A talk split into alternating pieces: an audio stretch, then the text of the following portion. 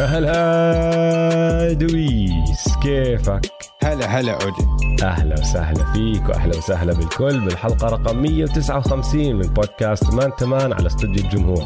أنا اسمي أوجي معي زي دائما دويس. هلا والله بودكاست مان تو مان نغطي عالم ال NBA playoffs بالعربي. وبلشوا يخسروا الفرق وبلشوا يطلعوا من ال playoffs بلشنا نودع. نودع ودعنا فريق كبير. باي مع السلامة. سلامة يا بروكلين. بروكلين أتلانتا. اليوم نحن عم نسجل ليلة الأربعاء. من هون لنخلص التسجيل الإنتاج المنتجة والتحميل وال- والرندرة وكل الأمور هاي للحلقة وتطلع. بكونوا عم بيبدوا مباريات الليلة.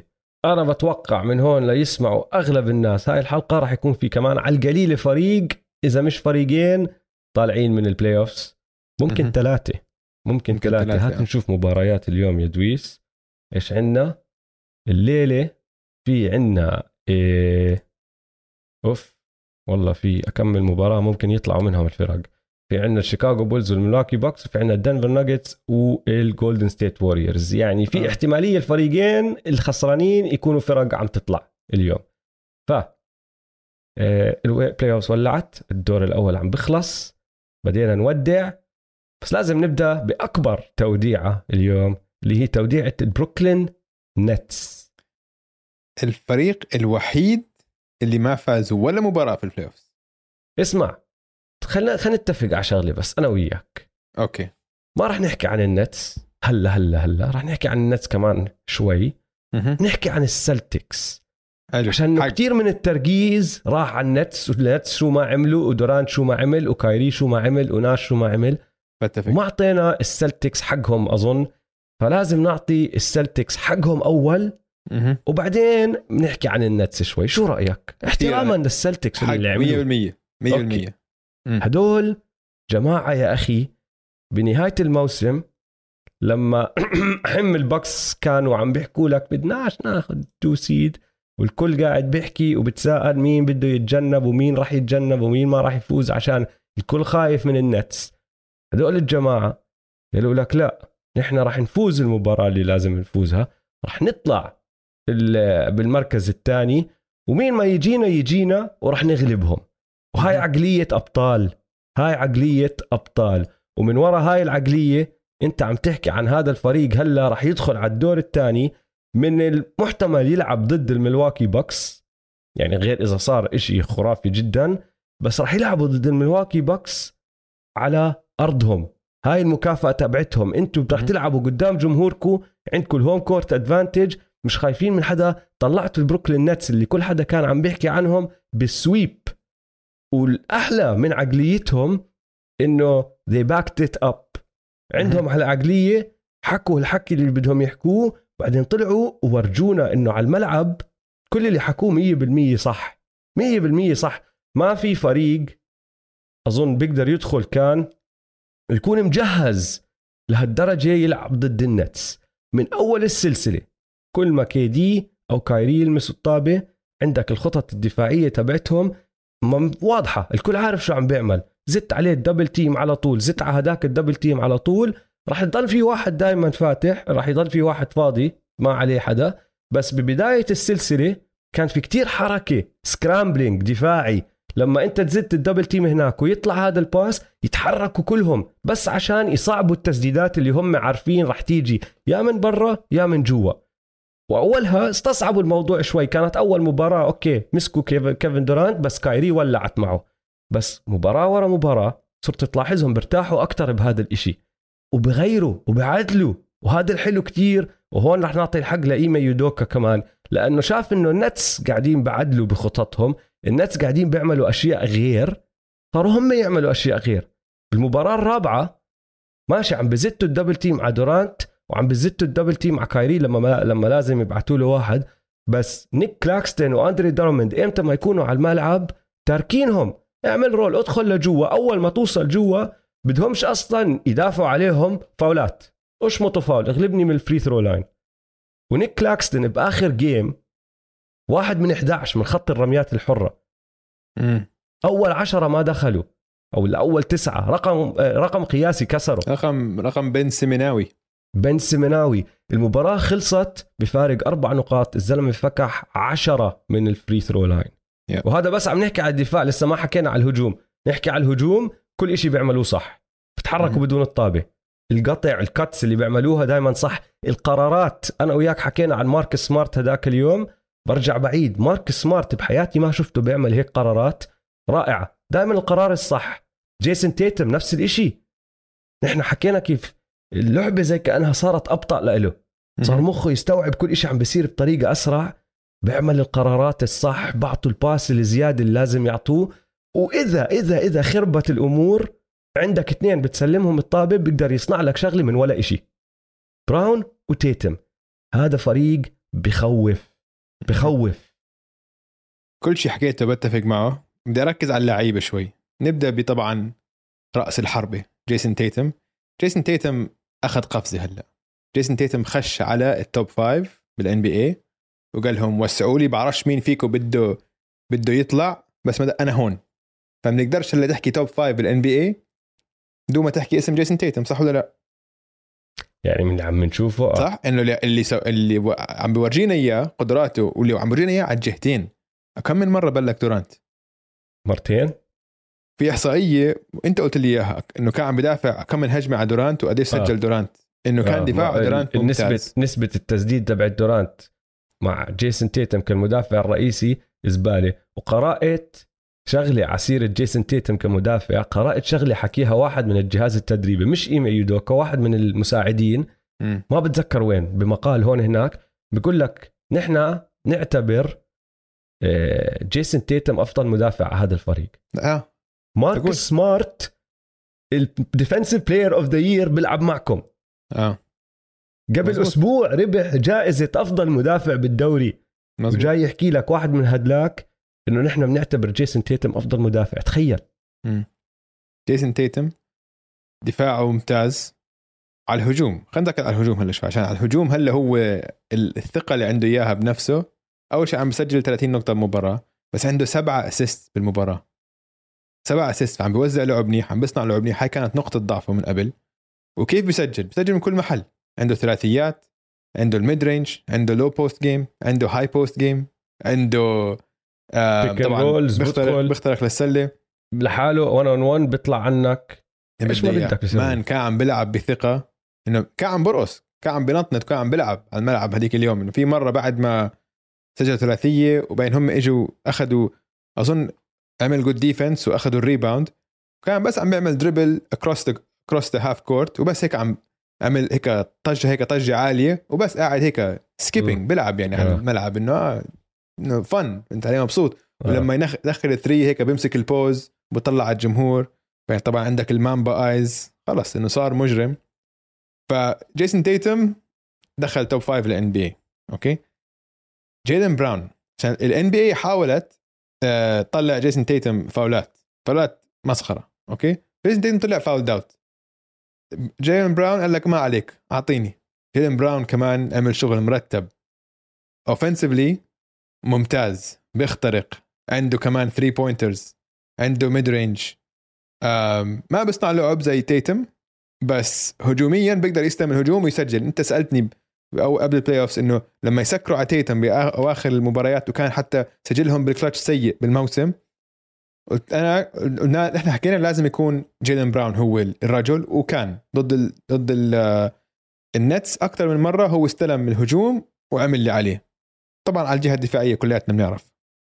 ماركس سمارت من وقت ما صار playmaker صار point guard هاي هي الـ shift اللي غيرت كل شيء بالفريق.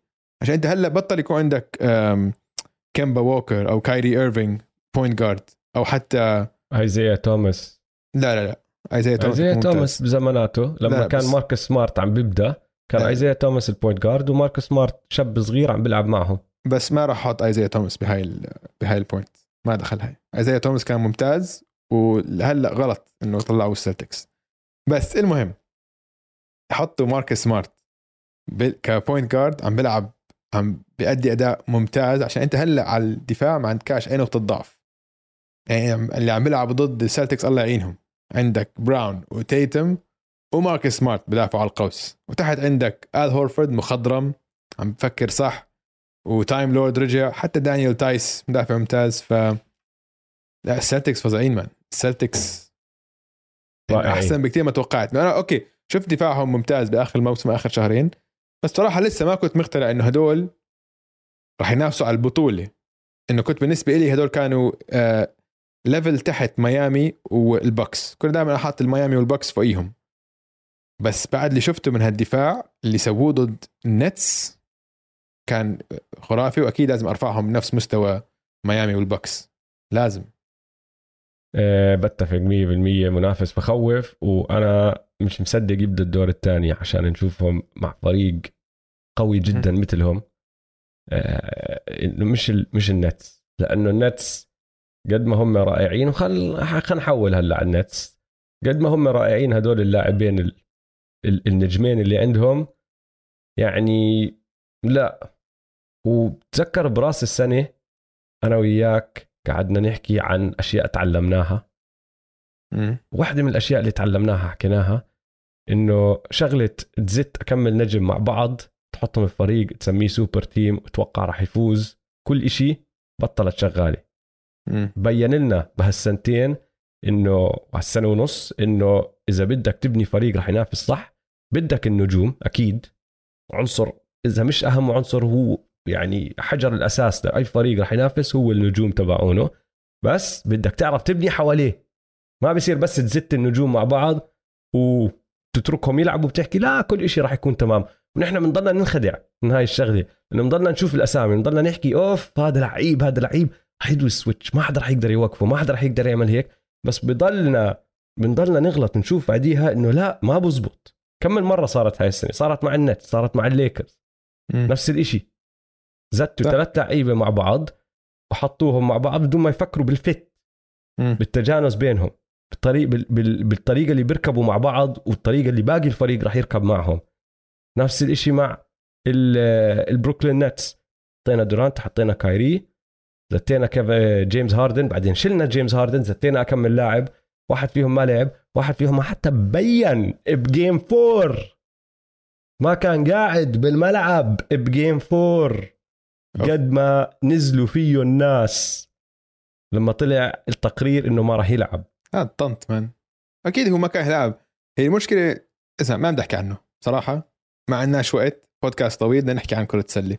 هذاك واحد طنط لازم ما نحكيش عنه لازم ما نعطيه attention أنا ما حكيت اسمه آه عشان آه هيك. ضروري. أنا بس خوت عليه. شفت اللي كان لابسه على على الاحتياط؟ زي زي, زي الجزرة. زي الجزرة كان شكله. زي الجزرة. مسخرة من هلا نحن لما يطلع فريق شو دائما بنسوي؟ نحكي شو هو أكبر وأهم سؤال لازم يسألوه ويجاوبوه إدارات الفرق أو لعيبة الفرق أو مدربين الفرق إيش ما يكونوا بالصيفية اللي جاي صح؟ المشكلة مع بروكلين إنه ما عندهم سؤال واحد عندهم, مليون سؤال مليون سؤال هلا ما بدنا نزود آه، الحكي عليهم كتير لأنه بدي أعطيك إحصائية إحصائية اوجي لهاي السلسلة. تعرف إنه هذا الثالث أقرب sweep بتاريخ ال NBA من ناحية فرق النقاط اللي مسجلة بين الفريقين؟ آه. ثالث أقرب sweep وراح يضل عندك كيفن دورانت. كيفن دورانت موقع لمدة طويلة. العقد تبعه التمديد تبعه وقعه قبل سنة بالضبط بالصيف الماضي موجود. فأنت عم تبدأ من محل صح. ماشي؟ بس بعد كيفن دورانت عندك مليون سؤال. مليون سؤال لباقي الفريق شو راح تسوي فيه؟ عندك الشخص اللي ما بدنا نذكر اسمه الجزرة هذا موقع لمدى طويل بس ما حدا فاهم شو عم بيصير معه ما حدا فاهم شو صار معه. ما حدا فاهم إذا بحب الفريق ما بحب الفريق بحب زملائه ما بحب زملائه. إذا بحب كرة السلة. ما حدا فاهم إذا بحب كرة السلة بالضبط. إذا هذا لاعب كرة السلة أصلا مش معروف. فحطه على جنب. بعدين عندك كايري. كايري عنده خيار لاعب. وكايري مفكر حاله المدير ومفكر حاله المالك ومفكر حاله المدرب ومفكر حاله النجم. وبده التمديد تبعه. وعم بيحكي عنه لأنه هلأ بصح له تمديد بالصيف. طب أنت إذا هلأ البروكلين نتس إذا أنت إدارة بروكلين بروكلين وشفت هالموسم هذا اللي صار كل إشي صار فيه وتاريخ كايري مع إصابات كايري مع عقلية كايري. طيب بدك تجدد مدد له؟ راح تعطيه التمديد هذا؟ يعني مجازفة كتير كبيرة. لأنه راح يطلب 190 مليون. شوف القرار كله راح يرجع لكيفن. لو KD شوف لو KD KD مسكين. آه كان عنده إنه حط ثقته بكايري وكايري والإنسان فلم. غلط. okay إنسان غلط. okay. آه حكاها بيل سيمنز إنه بتعرف كيف لما صاحبك يصاحب وحدة ويكون مبسوط ويقرر يتجوزها أنت لا لا بلاش تتجوزها يا زلمه بقى صحبي أنتوا بس خلاص ما في داعي تجوزها هاي مش شغل جيزه وهيك بس ما حكيت له ما حدا حذره. انت علي؟ تجوز على السريع ترك الوريورز كانت مرة مرتبة زوجة مرتبة ست بيت تربي أولاد وهيك. راح عند كايري. آه شوف شو صار okay؟ هلأ يعني اسمع لو أنت كيفن دورانت أنت عندك طموحات تكون من أفضل لعيب بالعالم عندك لسه عند بعرف إنه كيفن دورانت كتير competitive بده بده ينافس عنده روح تنافسية صح؟ آه. فلو يفكر شوي إنه يعني هل حتثق أنت؟ يعني تخيل شوف مين اللي معه أنت. أقل اثنين ممكن واحد يثق فيهم بالدوري. هذول المفروض ال co-stars تاعونك النجم الثاني والثالث. كل واحد عنده ليستة علّات ومشاكل. الطريقة الوحيدة اللي ممكن يخلصوا منهم أو يستبدلوهم بإشي تاني هو إذا كيفن قال لك إنه اسمع. صراحة هذول ما ما نقدرش نثق فيهم. بس إذا حيثق فيهم حيرجع معهم. هم اثنين وحيبنوا فريق حلو حواليه وممكن يكون عندهم regular season كويس موسم كويس السنة الم- السنة الجاي بس هل تثق فيهم؟ كارثه أو ممكن تكون كارثه بس هل ممكن تثق. فيهم بال playoffs؟ هل حتثق بن سيمنز بال playoffs السنة الجاي؟ اسمع ال- ال- كرة السلة الرياضة خاصة رياضة الفرق لما تدخل هيك بمباريات هيك أنت بدك نوع شخصية لاعب شخصية رجل محارب فهمت علي؟ ما بخاف إنه إنه بحط الفريق فوق كل حدا. هيك إنه بسموهم إنه بيحكوا له اسم إنه foxhole guys إنه واحد معك في الخندق في الحرب. فهمت علي؟ إحنا عم نشب نكبر مش حرب بس إنه يعني هيك الشعور بالفريق. إنه بطلع بعين واحد إنه في ثقة في هاد. كايري شكله بالمباريات خايف. آخر ثلاث أربع مباريات شكله دايخ ومش سائل. فهمت علي؟ شوف في شغلة الصيام كمان. يعني برو. بعرف مش حجة بعرف مش مش, ح- لا. حجه مش حجة بس ابدا. بس شغلة الطاقة ممكن. وفي لا، بس مباراة. ما أكل فيها ما شرب فيها لأنه حتى ال ال الإفطار تبعه كان بعد كل ما هالأمور دخل هاي. في لعيبة محمد صلاح آه آه، حكيم بس- الاجوان كلهم قاعدين بزوم بس ما بتشوف عراسي عراسي بس أنا اللي عم بحكيه بكايري بالذات فهمت علي؟ شغلة الخوف هاي إذا صارت مع معه هاي السنة من وراء سبب تاني أو صارت إشي موجود هلا في شخصيته هذا إشي جديد لأنه ما كان عنده Yeah. إياه من قبل.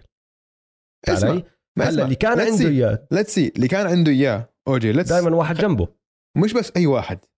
كان جنبه لبران جيمس. آه. آخر مرة سوى. شيء بال playoffs هي نهائيات 2016 وكان عنده لبران جيمس.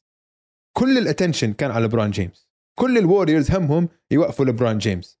فهو كان بس إنه كل ما لبران جيمس يتعب شوي يسلم الطابة هجمتين ثلاثة okay هو لاعب موهوب. كلياتنا بنحكي. من أفضل لاعبين بتاريخ كرة السلة. بس التركيز مو عليه كان غير لما أنت تكون تركيز عليك دفاع عليك. صح. فهمت علي؟ أنت عندك لبران جيمس كمان أك... من أحسن الناس facilitators و playmakers بتاريخ كرة السلة. فبس من وقتها ما سوى شيء ال playoffs هو by the آه؟ يعني من وقت ما طلع من الهاد من ال... من ال- الكافز أول موسم مع ال- السلتكس طلع injured كالعادة. ما لعب. آه طلع injured بال playoffs والفريق وصل لل Eastern Conference Finals. أوكي تاتم السنة اللي بعديها طلع بال round الثاني بخمس مباريات بعد ما فازوا ال game الأولى بعدين أربع مباريات مسح فيهم الأرض يانس. okay؟ آه وقتها سدد 25 من 83 من الملعب 30% وكان سيء جدا وكان عم بيخرب خطة الفريق. كان في مرات كان يحاول إنه هو يدافع عن يانس إنه لا لا أنا بدي أدافع عن يانس إنه شو عم تعمل؟ يانس بس كان يدعس عليه. فهمت علي؟ بعدين مع النتس ال second round انصاب. ضد النتس السنة الماضية. وهي هاي السنة sweep شو صار أول سنة مع النتس؟ ما لعب. طلعوا. آه. كانت السنة اللي دورانت مصاب وصلوا النتس ال playoffs وطلعوا بال bubble وما راح ال bubble آه هو ما راح صح؟ لا ما راح. ولا راح وما لعب كان مصاب. شيء هيك؟ لا لا ما راح. كان بد كان بدوش ال NBA كله يرجع متذكر؟ okay كان هو واحد من ال هو كان على ال Players Association ما عمل شيء بال playoffs من وقتها لا ما كان هلأ أنا بس كانت آه. نقطتي للعلم مش إنه آه، مش إني بخالفك الرأي مم. أنا لأنه اللي شفته زي زيك شفت كايري بعد أول مباراة كل مباراة عم بسوء أداؤه و...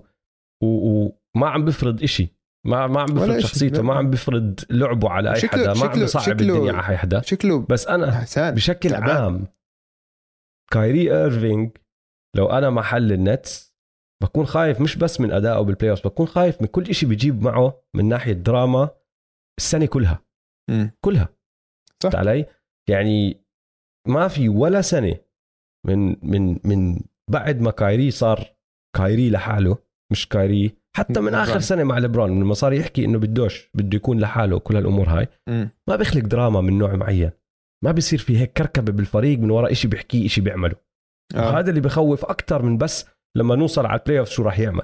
لأنه أنت السنة كلها كركبة. صح. كركبة.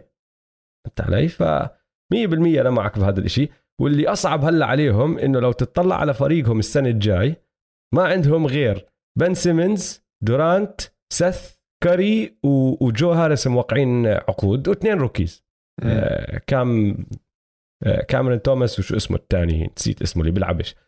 كل حدا تاني بهذا الفريق free agent آه. فأنت عم ترجع حتى لو وقعت كا- كايري أنت عم ترجع تبني كل عناصر الفريق اللي حواليك من أول وجديد. yeah.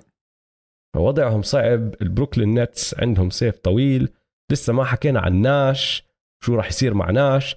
دورانت طلع حكى إنه هو بده ناش يكمل و... وأعطاه ال vote of confidence يعني أعطاه آه، قال- حكى- علامة الثقة. كان حكى صراحة. إنه الله يعين الله يعينه على هالفريق. آه وهو عم يحكي صح آه. بس كايري ولا حتى جاب سيرته. حكى إنه لا كمان. لا أسوأ من هيك. حكى أنا هون مع كيفن لنّدير الفريق أنا وجو ساي وشو اسمه ال general manager؟ جو ساي المالك. آه إنه بس آه بس أنا حندير الفريق. حكى أنا وكيفن رح ندير الفريق وشون مع ماكس شون ماركس وجو ساي م- مين أنت؟ شو تدير الفريق؟ مين؟ إنه man اسمع. يعني صراحة إذا كيفن دورانت لسه بده يلعب مع هذا الشخص عشان ما, ما كيف تثق فيه كلاعب؟ كيف؟ okay اسمع أنا بالعكس كثير أشياء من اللي كايري مش كثير أشياء بعض الأشياء اللي كايري آه يزعم إنه هو آه بتعني إشي له وهو بتعرف إنه من ناحية إنسانية وبصار إيش حقوق ال- السود في أمريكا معك 100% شو دخلها؟ بكرة السله ما دخل. فهمت علي؟ أنا أنا بالأخير عندي وظيفة. أنت وظيفتك لاعب كرة سله بدي واحد معي بالفريق اللي بتكل عليه إنه حيكون موجود كل مباراة. ستيفن اي سميث حكى إشي فقعني ضحك. سمعتها؟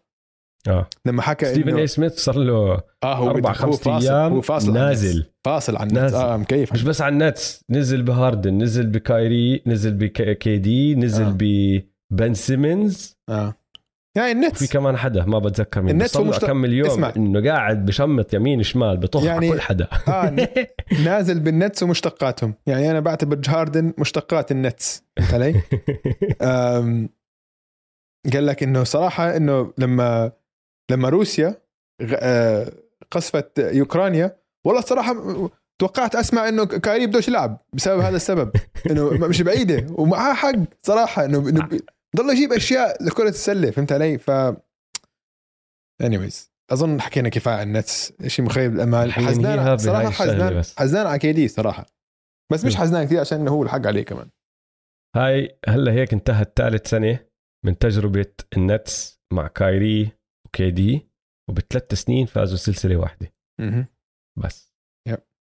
كارثة طيب على اللي بعده نحكي عن ميامي وأتلانتا يلا. نحكي عن the Oladipo game الأول game ال four مش مش five لا بدنا نحكي عن the Oladipo game ما هي عن ما ما آه. game four هي ال Oladipo game كمان. لا لا game 5 ال Oladipo game game اسمع. 4 شوف. استنى راح أعطيك الإحصائيات الأرقام يا دويس. طيب. ماشي؟ عندك فيكتور اولاديبو آه. لعب بآخر أربع سنين. موسم اعتيادي. كان صح له يلعب 309 مباريات لعب فقط ب 96 واحدة منهم ماشي مم. هاي السنة لعب بس 8 مباريات مع ال Heat قبل ما يدخلوا على ال playoff وبهاي السلسلة قبل game 5 ما لعب غير مباراة واحدة اللي هي game 4 مهم. بأول خمس دقائق من game 5 سجل 8 نقاط اللي هو أعلى من مجموعه اللي سجله ب game 4 اللي هو 6 نقاط وال Heat كانوا محتاجين كل نقطة لأنه عم بيلعبوا بدون آه، جيمي باتلر وعم بيلعبوا طبعا بدون كايل لاوري اللي صار له مش لاعب مباراتين جيمي باتلر هاي إصابة طلعت من ما بتعرف وين. قولوا له عنده آه، عنده مشكلة بالركبة. فخشوا على أرضهم. عم بيلعبوا ضد أتلانتا اللي عم بيلعبوا مباراة إقصائية بالنسبة لهم. إذا خسروا بيروحوا. طبعا. وخش عليهم جي فيكتور أولاديبو وبدع. وال Heat محتاجين كل نقطة زي ما حكيت. ومش بس منه إجوا النقاط. اجوا من كل حدا. هو حط 23 نقطة. آه، ماكس ستروس حط 15 واللي ما صدقته في دقيقتين ونص بال quarter الثاني عمل run لحاله 10 صفر. مم. سجل 10 نقاط ورا بعض ال Hawks ما حطوش ورا نقطة. Yeah. جدا جدا حلوة. بام أدبايو حط 20 تايلر هيرو حط 16 حتى كيلب مارتن حط 10 وبصراحة مفروض كان أتلانتا يفوزوا هاي المباراة.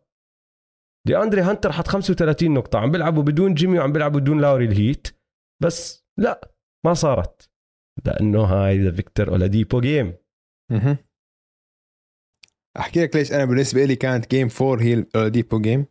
احكي لي. عشان لما دخل غير المباراة ب game 4 تعرف إنه أولاديبو إنه طلع إحصائيات okay بس 6 points بس 8 rebounds 4 assists و plus 28 اولاديبو كان ب game 4 غير كل طاقة الفريق. نسميهم؟ إيه؟ بنسميهم the Victor Oladipo games هيك لازم. صراحة لازم عشان جد هو كان له أثر كبير وسبب رئيسي ليش حطه بال starting lineup ما حط تايلر هيرو مثلا بال starting lineup ب game 5 قال لك هذا بيستحق هذا نجم. فعمل اللي عليه. اسمع في فرق بين ال Heat وبين ال Hawks إنه من ناحية إمكانيات وجاهزيه الفريق إنه طول الموسم ال Heat عم بيلعب بدون عناصر رئيسية طول الموسم ومع ذلك خلصوا المركز الأول بال East. هاي إنه ما انحكى عنها كفاية. ما أعطيناها حقها كفاية إنه هذا الفريق عنده عناصر آه، عنده هاي ال next man up mentality okay جيمي مش موجود آه، حد تاني بغطي عليه. آه، لاوري مش موجود حد تاني جيب فينسنت. أنا ما كنتش أعرف مين جيب فينسنت قبل الموسم. نجم؟ نيجيريا. ولا عمري كنت سامع فيه قبل الموسم. ف صراحة كل احترام لميامي عشان فريق بيكون معنى الكلمة فريق وعندك عنده هوية عنده آه، شخصية ودفاعه ممتاز. كل شيء يبدأ بالدفاع. حكينا عن بوسطن. بوسطن عندهم شخصية وعندهم دفاع. هذا الفريق نفس الشيء عندهم شخصية وعندهم دفاع. إذا من اليوم بجيم 5 آخر آخر آخر هجمة ما سمحوا لهم يشوتوا. ما سمحوا لهم حتى يشوتوا وكان 3 عشان تعادل. لا واخذ طلعت ال three وطلبوا timeout عشان أول- تسديد وأول آه. مره أول مرة طلبوا timeout عشان مش قادرين يعطوا pass. آه. طلبوا قبل ما يصير 5 seconds ثاني مرة نفس الشيء. حاول حاول حاول يا دوب قدروا يعطوا pass. فهمت علي؟ ففريق ممتاز. ممتاز ممتاز. تري يونغ. خلينا نحكي عن تري يونغ. تري يونغ أنهى هاي السلسلة بمعدلات 15 نقطة. 5 rebound 6 أوه. assist آه بنسب كارثة. 32% من الملعب 18% من برا القوس. كان عنده 30 turnover بهاي السلسلة اللي هو نفس عدد ال assists اللي وزعهم 30 wow وأعلى من مجموع ال field goals مجموع التسديدات من الملعب اللي حطها حط أوف. 22 field goal كان عنده 30 turnover قوية واللي أصعب من هيك كله اللي أنا جد ما دخلت براسي لما شفتها التقييم الهجومي تبع تري يونغ كان 84 آه. لاعب واحد بكل ال roster تبع الهوكس كان عنده تقييم أوطى اللي هو كلينت كابيلا اللي لعب مباراة ونص. مم. كان عنده تاني أوطى تقييم بكل الفريق وهاي شغلتك ال- ال- الأتلانتا هوكس ما عم بتتكلوا عليك عشان تدافع. انت هجومهم. كل إشي بيبدأ فيك. ما قدر. ما قدر. شو اللي حكاها ذاك اليوم؟ بقول لك أول مرة بدافعوا علي بهاي الاستمرارية وبهاي الشراسة من أيام الثانوية. عم. بيحكي عم بقارن الدفاع اللي عم بشوفه على دفاعات الثانوية لأنه بالثانوية كانوا يتركوا كل حدا يدافعوا على تري يونغ آه. في ستة أربعة عالية. يا ما قدر ما قدر يعمل إشي. فسؤالي لإلك. فيها إعادة تقويم المعايير عليه؟ لازم نرجع نتطلع على مين هو تري يونغ لأنه تري يونغ كتير كتير حلو كان موسمه أو ال playoff run تبعه الماضي وموسمه كان رائع. موسمه كان رائع أنا وياك اتفقنا إنه بيستاهل كان All-NBA صح. صح صح. بس فيها هلا شوية recalibration على مين هو تري يونغ ما أعتقد كثير recalibration بس لازم نتذكر ال NBA مش يعني ما في حدا بدخل على ال NBA ثالث سنة رابع سنة وبيستولي على ال NBA ما في بدك تنطج بدك تاكل قتل. فهمت علي؟ نادرا بيجي لاعب وخلص متى ما يبلش يفوز ما بيخسر بعديها. اللي سواه تري السنة الماضية ما حد بيقدر ينكره. وصل فريقه لل Eastern Conference Finals لعب ممتاز سفح كان سجل فوق ال 40 نقطة كذا مرة سجل buzzer beaters رجل ما بيخاف من اللحظة بنيويورك كان رائع. بال round الثاني ضد مين كانوا بال round الثاني؟ ناسي هلأ. السكسرز الباكس. السكسرز man اللي سووه بالسكسرز قليل اللي سواه بالسكسرز بعدين ضد الباكس كمان أظن خسروا 4 2 و 4 آه بس هو طلع مصاب ويانيس طلع مصاب كانت سلسلة فيها إصابات كثير صح فيعني قدم موسم رائع. هلأ السنة الهاي من أول الموسم ال- الهوكس مش جاهزين. ما كانوا متجهزين كانوا أخذوا كبر راسهم شوي بعد بعد النجاحات اللي حققوها السنة الماضية. فاجى الموسم؟ ما كانوا جاهزين. تري كمان كلاعب لسه لازم ينمو أكثر لسه هو عنده لاعب عنده قدرات خارقه على الهجوم.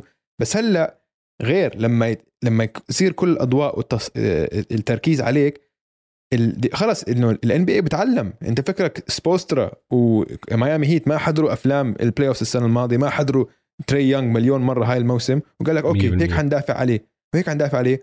وهلأ تري يونغ بال off season بالصيف حيطلع على هذا وحيعرف okay لما يعملوا هيك أنا لازم أصير أتحرك بدون طابة. أصير أعمل اللي ستيف بيعمله. هو on the ball ممتاز pick and roll ممتاز بس لما يصيروا يضغطوا عليه بطل بتقل فعاليته. هلأ لازم يطور مهارة مثل اللي طورها ستيف إنه لما يكون ستيف ما معه الطابة أخطر من لما ستيف يكون معه الطابة. فهمت علي؟ فأنا بس شايفة إنه قتلة محترمة okay بهدلة بس بس هاي ال NBA ال NBA ما بتدخل بس وبتسيطر وبتفوز للأبد مش مش مايكل جوردن. انت ما تبلش تفوز إنه خلص حتى. مايكل جوردن ما دخل وفاز وسيطر من أول بالضبط أخذوا ست سنين. فهمت علي؟ ليبلش يسيطر. أكل قتلات. فأنا بالنسبة لي أكلها تري يونغ سويت لساته. صح. اكل أكل قتل يعني حرفيا قتل. آه. إنه ضرب. تلقى دروس من السلتكس ومن آه. البيستنز. ف يعني ما بعرف أنا ما كنتش حاسبه إنه بالنسبة لي مكانته بين ال top players ال NBA لسه موجودة. بس لسه عليه يتحسن عليه يت- يتعلم أشياء كتير يعني. وين أنا شايف ال recalibration لازم يصير؟ وين؟ آه عن طريق ب- بطريقة بناء الفريق حواليه. مم. الطريقة اللي هلأ الأتلانتا هوكس وهذا السؤال الكبير. آه. الأتلانتا هوكس مصيفين السؤال الكبير اللي عليهم كيف يقدروا يساعدوا فريقهم أو يساعدوا تري آه، ويهيئوا فريقهم يكون دفاعيا جاهز لنقاط ضعفه اللي هي الدفاع بس بنفس الوقت يعطوه واحد أو اثنين secondary playmakers صانعين ألعاب بيقدروا يمسكوا الطابة ويزيحوا الضغط عليه لما يكون بس التركيز الدفاعي عليه. صح. لأنه هاي المشكلة اللي عم بتصير. عندهم بوغدانوفيتش. هو الوحيد اللي جد تقدر تحكي بيعمل هذا الإشي. بس بوغدانوفيتش مع كل احترامي له بحبه مش من الطراز العالي العالي. منيح مش مم. ممتاز بهذا الإشي. ومش playmaker إذا- هو more scorer أكثر فهمت علي؟ بيقدر يعمل شوية playmaking و ball handling بس مش مش من النخبة مش من الطراز العالي ولا حتى بيقرب عليهم. انت لو بوغدانوفيتش الثالث تبعك بهذا الإشي وعندك واحد تاني اللي هو دور على سبيل المثال اللي عم بيلعبه جيلن برونسون وبعدين رح نوصل لجيلن برونسون. إنك تسلمه الطابة وترتاح هذا بيقدر يدير الفريق. هذا بيقدر يلعب و... ويركز ويسيطر و... ويساعد كل حدا. وتري يونغ يصفي عم بيعمل اللي انت عم تعمل اللي انت عم تحكي لي هو بيلعب off the ball وقتها رح يصير كل شيء أسهل عليه. بس بنفس الوقت هذا الشخص لازم يكون شخص قوي دفاعيا لأنه إذا دخلت لهم كمان عنصر ما بيقدر يدافع مشكلة. لأنه تري هاي نقطة ضعفه ورجعت بينت واضحه كتير. لازم اللي حواليه كلهم الأربعة يكونوا شاطرين دفاعيا أو بصفي في ثغرات بالدفاع تبع الهوكس وراح يأكلوا فيها. وأنا ما أظن هذا الفريق رح نرجع نشوفه السنة الجاية للعلم. أظن في أكمل حركة هون هناك رح تصير. جون كولينز ما بعرف إذا رح يكمل جون كولينز ممكن أظن نهاية ال- التجربة تبعته هو مع تري ليش؟ في أكمل اسم راح يتغير مع الأتلانتا هوكس لأنه خلص شافوا okay عملنا اللي عملناه السنة الماضية ركزوا علينا لازم نحن هلأ نرجع نطور كيف راح نرجع نطور لازم نتخلى عن أكمل عنصر عشان نجيب أكمل عنصر بيساعدنا بطريقة تانية شوف. آه. okay بس إنه. بتغير على الهامش ما ما في داعي تمزع ال core جون كولينز كويس كان مصاب وحققوا. إنجازات مع بعض تعطيهم فرصة ما منيح. don't pull the plug من هلا man شو ما بصير. to pull the plug لسه عمرهم 23 سنة man الشباب 24 سنة بعالم عندك وقت. يا دويس لا بالغلط تبعك. بالعكس man لا هاد- هيك no man هذه الفرق هذه الفرق الغلط الفرق اللي بتضلها مع ال core وبتبني حواليهم بتغير حوالين ال- لا عن- بس عن انت. شايف هذا ال core انت شايفه core مهم شايفه core منيح آه أنا شايف تري core. الوحيد لا يا زلمة. ممكن دي أندري حتى دي أندري دي بصراحة كان في عندي مباريات عم بتساءل عنه لا بهاي السلسلة. عندك 3 يعني ال rebounding تبعه لازم يتحسن. الدفاع طيب. تبعه قد ما هم بيحكوا لنا والله مدافع مدافع مدافع. تطلع عليه. في عندك مباريات بيلعب دفاع ممتاز في عندك مباريات شو عم تعمل على الدفاع؟ ليش؟ هذا هذا الموسم كله كان. هم هذا بس لا man عندك core منيح. أنا بقول لك مين ال core تبعه. عندك كولينز و... وتري يونغ ودي أندري هانتر و... وكيفن هيرتر وبوغدانوفيتش هدول الخمسة ليش تشيلهم؟ كل واحد ممتاز مش- بدوره. مش بتزيد عليهم مش. بتحسنهم. بتحسنهم. آه حسنهم. بس Yeah. ما راح تقدر تحسن واحد بالمستوى اللي محتاجه غير إذا تخليت عن أكمل واحد فيهم. ليش؟ وبين الخمسة اللي أنت ذكرتهم أنا كولينز أكتر أول واحد بشيله. ليش؟ هدول كلهم. بترك دي أندري بترك بوغدانوفيتش off the bench زي ما عم بيعمل زي ما عم بيلعب. ويرتر بتركه كمان. حتى ويرتر ممكن ما بتفق معك. التنين. ما بتفق معك ابدا. I think هدول ال core مناح. كويسين تبني حواليهم. عادي they're solid players. Solid. أنا برأيي. وصلوا Eastern. Conference final man آه بس وصلوا ال Eastern Conference finals ما حدا ما أحد كان عم يتوقعهم. okay. وبعدين اخذوا الخطوة ما تطوروا بالطريقة اللي عم اللي المفروض يتطوروا فيها. مزبوط. والناس صارت بتعلم. تفهم لهم بتعلم. وبينت كل نقاط ضعفهم. صح. وأنا اللي عم بحكيه تري يونغ بحتاج نجم جنبه. فهمت آه. علي؟ وما راح تجيب هذا النجم غير إذا تخليت لأنه هذا فريق capped out ما عنده cap space كتير فيه.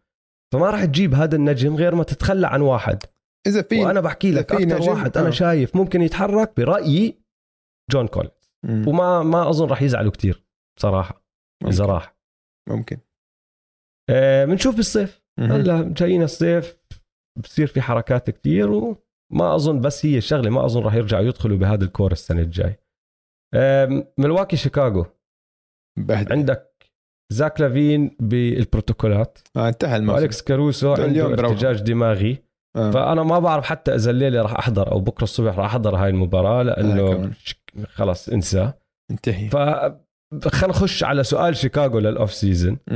وسؤالهم سهل جدا آه كيف بتظبط ال- ال defense الدفاع تبعك جوا ال interior defense مع شوية حجم على أساس ما ياكلك واحد زي يانس وما ياكلك واحد زي امبيد وما ياكلك واحد من العمالقه هدول. هي نقطة الضعف من أول الموسم لآخر الموسم. هلا بس عليهم يرجعوا زي ما عملوا السنة الماضية وغيروا وظبطوا وجابوا أكمل واحد هون هناك كتير حلوين وتركيبه كتير حلوة مم. هاي نقطة الضعف. واضحة ومبينة. لا تتكل على باتريك ويليامز. روح حل المشكلة وارجع السنة الجاي. فما اتفق بعرف إذا في أي شيء ثاني اسمع. ينحكى عن شيكاغو. أنت بشكل عام موسم البولز شو رأيك فيه؟ بشكل عام مم. عادي جدا. أحسن ما توقعت. يعني زي ما توقعت. أنا لا أنت ما من أول توقعت انه الموسم. يوصلوا ال playoffs لا بس أنا ما توقعتهم يكونوا فريق جيد. وهم بصراحة برأيي لليوم مش فريق جيد فريق عادي. مم. بعرف صار عندهم إصابات. كل حدا صار عنده إصابات. مم. فهمت علي؟ بس أنا اللي اللي حكيته من أول الموسم إنه شفت فيه نقاط ضعف كتير واضحة وهاي النقاط الضعف بينت. صح. بشكل كتير كتير واضح اللي هو ال interior defense حلوة. السنة الماضية كان صعب. جابوا أكمل free agent هون هناك صعبة كانت عليهم الحركات وما قدروا يسووها. هلأ شايفينها واضحه يا عندك انت هلأ كمل مشكله وشفت شو اشتغل؟ ال perimeter defense تبعك لما يكون لونزو معك رائع. وهاي النقطة الثانية اللي على فكرة إذا بدك تسأل سؤال تاني عن البولز هاي هي النقطة الثانية. مين ال secondary playmaker تبعك؟ كاروسو لما كويس. لونزو يريح. والله كاروسو man كاروسو كمان راح عليه كثير. مباريات. صح؟ كاروسو ممتاز. ممكن. كاروسو winning player man انه على الملعب. مية بالمية. وجوده على الملعب ممتاز الفريق مية بالمية. بتفق. يا بس أنا كنت شايف إنه هم سقفهم محدود السنة الماضية. مم. سقفهم جد محدود. يا مع إنه الظروف ما ساعدت. عندهم هلا زاك لافين free agent بتوقع يوقعوه ويمددوه. وأظن هو مبسوط بشيكاغو مع اللي سووه. مم. ما أظن يغير فريقه. ولازم يشتغلوا على هذا الإشي عشان يرجعوا السنة الجاي أقوى وأحسن. صح. بس. هاي هي. Yeah. هلأ بس قبل ما نطلع عن هاي السلسلة بدي أحكي آه بدي بدي أعطي يانس شوية احترام تقدير لأنه. ما بنحكى عن يانس كثير مش معقول. يانس معدلاته حاليا 27 نقطة ونص 15 rebound 7 assist عم بسدد بنسبة 53% من الملعب و72% من من خط الرميات الحرة ب 34 دقيقة بالمباراة. وهدول ال 34 دقيقة كانوا أقل لو ما بنحسب game 2 اللي لعب فيها 40 دقيقة رفعت المعدل تبعه. المشكلة الوحيدة اللي عنده إياها لحد هلأ هاي هذا بهدول ال playoffs إنه نسبة التسديد من برا القوس نزلت ل 16% يا. ما عم تزبط معه من برا القوس. آه، ما دخل. بس بس لازم نقدر اللي عم بيعمله لأنه يعني وحش الأخ زلمه طلع كريس ميدلتون راح دمر الدنيا هو وصديقه جريسون آلن. the boo boo man جريسون الن سمعت أنت قصة جريسون الن وفريقه لا آه هلا بتعرف لما سمعت شو حكى يانس إنه we should boo him more يمكن آه حمسه هو أكتر. جريسون الن بملعب شيكاغو لما صار مايكل جوردن ما ما حدا بعرف كيف صار أحسن لاعب بالدنيا بملعب شيكاغو آخر جيمتين. آه، بكرهوه جمهور شيكاغو صح؟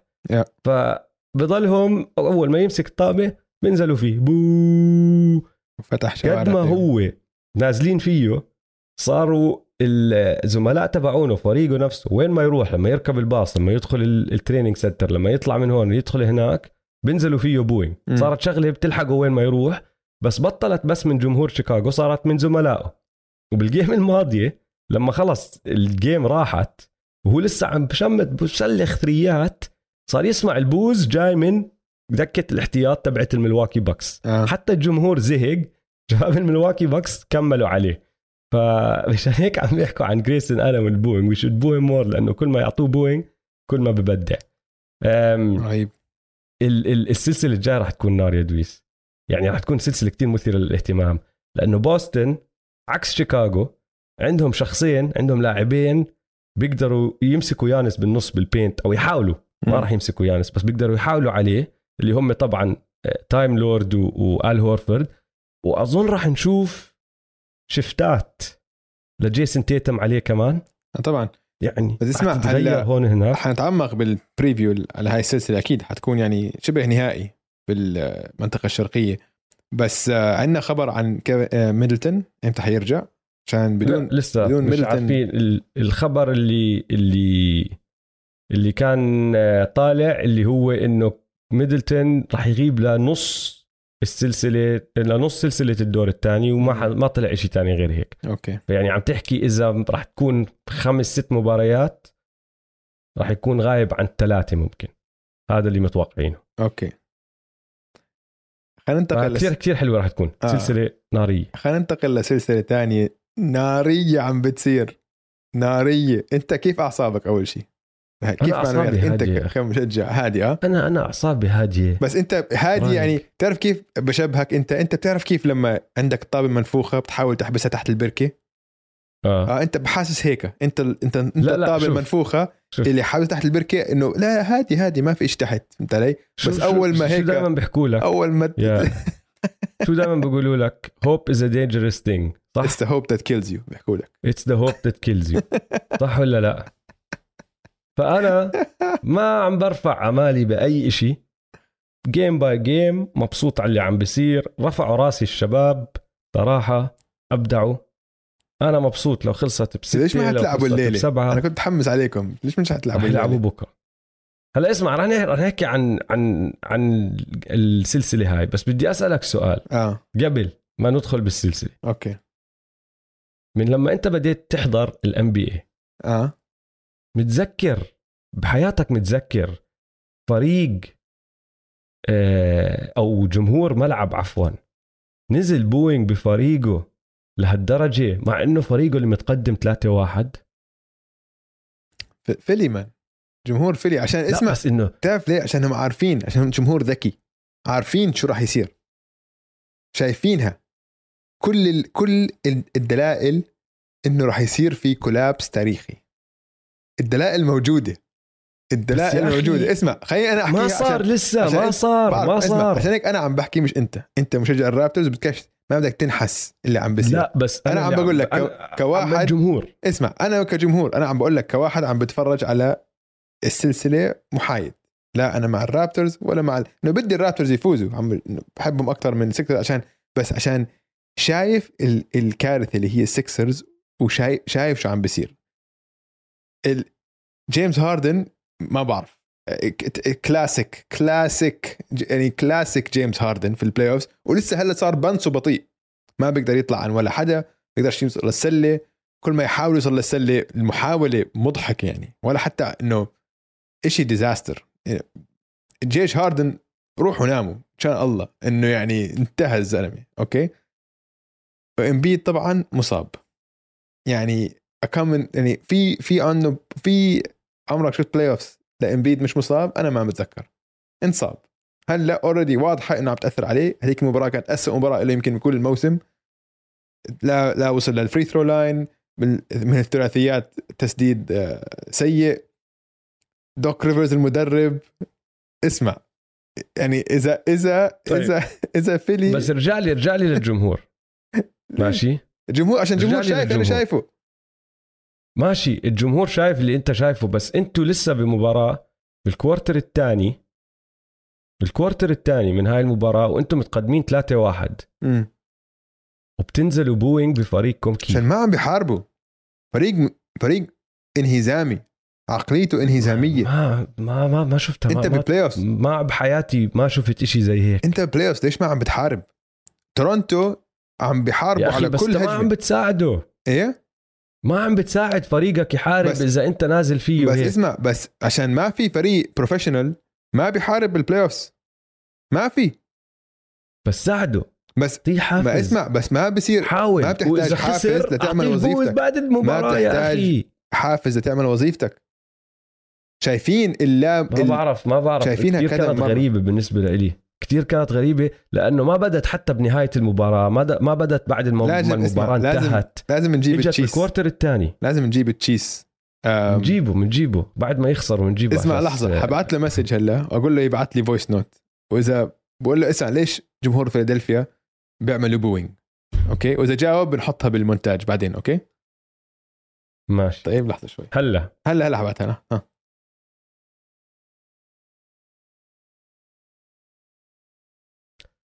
طيب أحكي لك أنا عن السلسلة تشيس. وأنت عم تبعت له. لحظة شوي. آه، تشيس بدنا إياك آه، عندنا سؤال يمكن نحطه بال pod إذا بتجاوبه صح. ليش جمهور فيلادلفيا بيعملوا booing لل- للفريق تاعهم بنص المباراة بسلسلة هم متقدمين فيها بال quarter الثاني؟ ممكن تشرح لنا هاي؟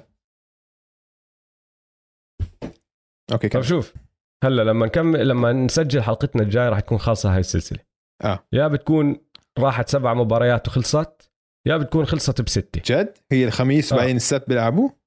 آه. فمن هون لحلقتنا الجاي راح تكون خالصة. ماشي؟ فبدل ما نتعمق بكل إشي ع- ممكن يصير فيها okay.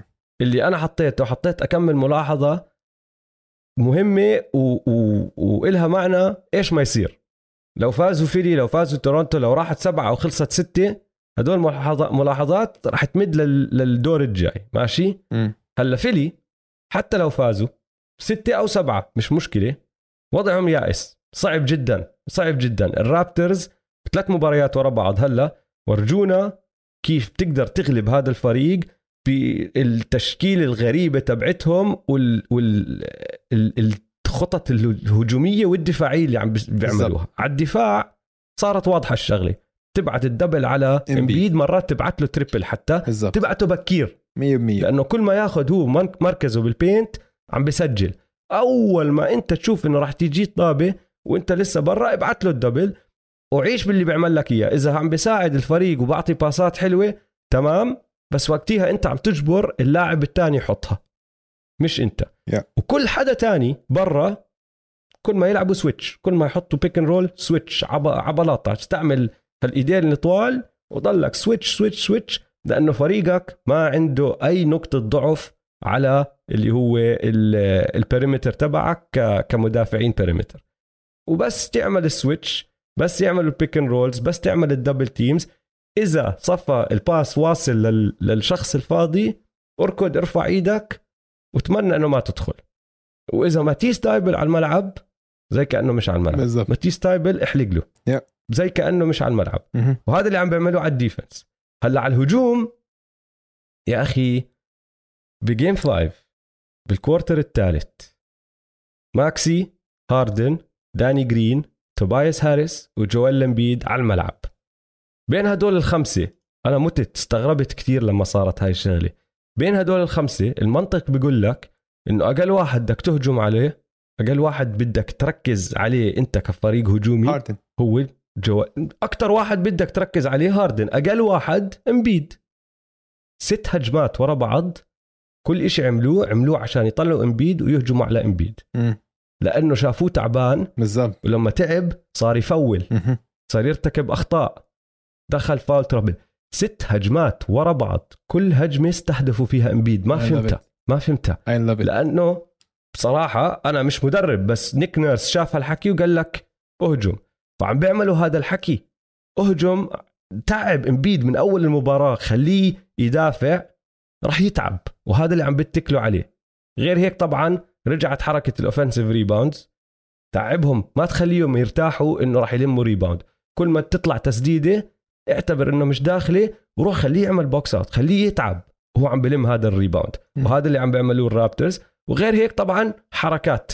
دائما الحركة ال- ال- الدائمة على الجهة الهجومية مع ال cuts والباسات ال extra وكل هالامور هاي. بس حركة لياقة. اتكل على لياقتك بالضبط. لأنه لياقتك أحسن من لياقة جويل امبيد لك شيء بس injured وبنص بالضبط. طيب. وهذا اللي عم بيعملوه.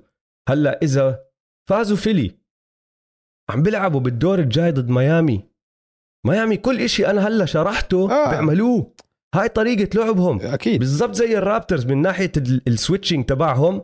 زي ال Raptors فريق بيعمل switching على كل إشي. عندهم أكتر big man مع إنه مش big man بالحجم الكبير لأنه بام أديبايو مش عملاق. مم. بس عندهم أكتر big man بيعمل switching وبصراحة ما بتقدر تقارن لا بريشس ولا كيم بيرتش ببام أديبايو. بام أديبايو أعلى بمراحل طبعا. من هدول التنين. بمراحل بمراحل. ولعب ال cuts هذا ال constant movement وال cuts شغلة ميامي. لعبته لسبولسترا. Yeah. التسديد من برا القوس ال Raptors بيعرفوش يسددوا من برا القوس. فريق كتير هامل بهذا الإشي. آه. ميامي عندهم ناس زي دانكن روبنسون وتايلر هيرو وكايل لاوري. واولاديبو ننساش واولاديبو آه. بقتلوك من برا القوس. بي جي تاكر من الزوايا. يعني أنت عم تحكي إنه حتى لو فازوا ال Sixers رح يلعبوا ضد فريق. هلا فهم بالضبط كيف يغلبهم. وبيعمل كل إشي بيعملوه ال Raptors بس بمستوى أعلى. أم... عندي سؤال. آه. فريد فان فليت. إصابته أظن عم بتفيدكم بهاي السلسلة. إيه فكرت فيها هاي الشغلة. أظن عم بتفيدكم. ورجعت تذكرت شغلة ما كنت ملاحظها. آخر مباراة بالموسم مم. لما فازوا ال Raptors على ال Sixers اللي هي اللي بدأت تعمل الضوجة الضجة على إنه أوف ممكن ال Raptors يغلبوا ال Sixers هي اللي قلقت الدنيا. مم.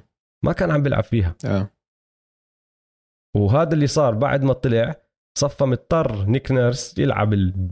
مش big ولا small ال medium ال lineup النصاني أيوة. تبعه هذا وهذا اللي عم بيقلق ال- الجماعة آه. آه. وبتعرف شو كمان بين واضح يا دويس. ال Sixers أربع أشخاص بفريقهم آه أربعة yeah ولازم الأربعة يكونوا بقمة العطاء تبعهم عشان يفوزوا وإمبيد هلا زي ما أنت حكيت مصاب وتعبان فمش بقيمته. هاردن انت حكيت عن هاردن ال- ال- ال drives تبعته. أنا اللي بضل يشتغل بالي ما عمري بحياتي شفت هاردن بضل يتبلك عند ال rim زي ما عم بتبلك بهاي السلسلة. ضل ياكل بلوكات. yeah ضل ياكل بلوكات. ما عمري شفتها. ماكسي وتوبايس هاريس ما عندهم استمرارية. بمباراة مباراتين نجوم. نجوم. بعدين مباراة مباراتين بعدها ما عم بيلعب. ما عم ببين. ما عم بيعمل إشي. وغير هيك ما عندك حدا. عندك داني جرين. تايبل داني جرين. داني جرين يا زلمة داني جرين بحط لك three بعدها بهجمة بمسك الطابة بشوت بحط air ball آه. نفس المكان بيكون واقف هاد- مش فاهم. هاد داني لا بصراحة فاهم لأنه داني هاد جرين طول عمره آه هيك. بالضبط. آه. ماتيس تايبل يا أخي ماتيس تايبل ركزوا عليه جمهور فيلي آه فيلي بهاي المباراة. مم. قد ما أعطوه booing صار زي بن سيمونز بآخر المباراه صارت تيجي الطابة مفروض هو يسدد لأنه فاضي صار يخاف يعطي باس آه. كركب الدنيا. هم كركبوا الدنيا عليه. مين غير مين بعديها؟ جورج نيانج فركان كوركماز. ما عندك حدا. game 5 احتياطيين ال Raptors حطوا 29 نقطة. احتياطيين ال Sixers حطوا 11 صعب وضعهم. حتى لو فازوا صعب جدا. آه صعب لو لو جداً. فازوا بمعجزة اليوم ب- بتورونتو عشان لو ف... لو خسروا بتورونتو ويرجعوا game 7 فيلادلفيا الجمهور حياكلهم اكل عليهم. جمهور فيلادلفيا حياكلهم اكل بس اسمع. أتركك بآخر إحصائية. دوك ريفرز صار خسران هلا سبعة من آخر ثمان مباريات اللي له الفرصة ينهي فيهم السلسلة. تخيل. لا مش مستغرب. آه متخيل يعني. اسمع آه. هي تشيس رد. خلينا نسمع شو. بحكي لأنه الفريق تبعهم ما عم بيحارب ما عم بينافس. ما في روح تنافسية بالمرة بالمرة. سمعت؟ ماشي فاهم فاهم. بقول أنا لك. بس أنا هاي مش نقطتي. آه بس أنا لو إنه من- لو إنه من- بنص من ال- من الرابع الفيلادلفيان بنفسه. يا أخي لو بنص الرابع بدوا booing ما كان حكيت إشي. بعد ما تخلص المباراة أنت عارف إنه خالصة؟ ابدأ. أنا اللي اللي اللي جنني هي لقطة واحدة لقطة واحدة. سكوتي بارنز نجم. آه. للعلم. yeah وراح أدخله بهاي اللقطة لأنه صارت من ورا ماشي؟ سكوتي بارنز نجم. مهم. الزلمة غي... أحسن لاعب عند ال Raptors كان ب game 1 انصاب ما لعب أكمل game رجع game 4 مش على بعضه. بعدين ب game 5 دخل ع فيلي. الجمهور هايج. عم بيلعب نص المباراة بدور ال point guard لأنه ال point guard تبعك مش موجود. وعادي مش سائل. وبنهاية الثاني كان عنده تنتين back to back plays ال alley-oops آه. آه. واحدة ل... لبيرتش والثانية لبريشس. وهي البريشس اللي هلا راح أجيب لك سيرتها الثانية. اللي أعطاه تبعت بيرتش كانت no look الثانية كانت alley-oop حطها dunk بريشس اتشيوا. الجمهور تبع فيلي قبلها بثانيتين. دقيقة هي دقيقة. الهجمتين كانوا فرق دقيقة دقيقة. ونص. كانوا نازلين let's go Sixers آه. بعد الهجمتين هدول من بريس إيه، من سكوتي بارنز. نزلوا بو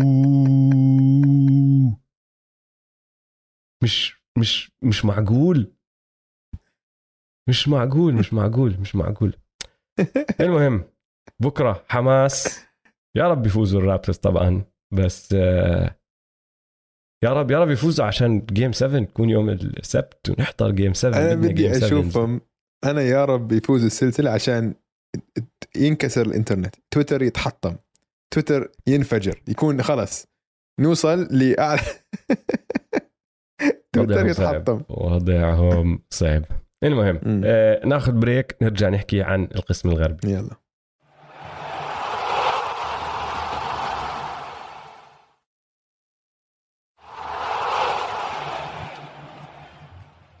رجعنا من ال time out. دويس اجى دوري أسألك. نفس السؤال اللي انت سألتني إياه. نحكي عن ممفيس ومينيسوتا بدي أسألك شو وضعك أنت؟ تمام؟ اسمع. توتر okay؟ عشان هذه أغبى سلسلة بال playoffs إثارة مع معك حق. في إثارة بس هاي أغبى سلسلة بال playoff الفريق عم... فريقين عم بتنافسوا مين حيكون أغبى من الثاني هذا أنا شايفه أنا اولا وعم, وعم بنجلط عم بنجن. 100% أنا مش هيك عم. بسألك إذا أنت تمام. لا مش تمام.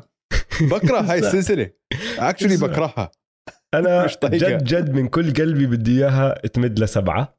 لأنها أنت حكيتها بطريقة كتير حلوة. أغبى سلسلة بس كتير ممتعة. كتير ممتعة. آه. ماشي؟ آه. وآخر ثلاث دقائق من المباراة الخامسة لأي حدا ما حضرها فيها كل إشي أنت عم بتحاول تشرحه لما تحكي أغبى سلسلة. تعرف كيف سميناها سلسلة الأطفال؟ آه.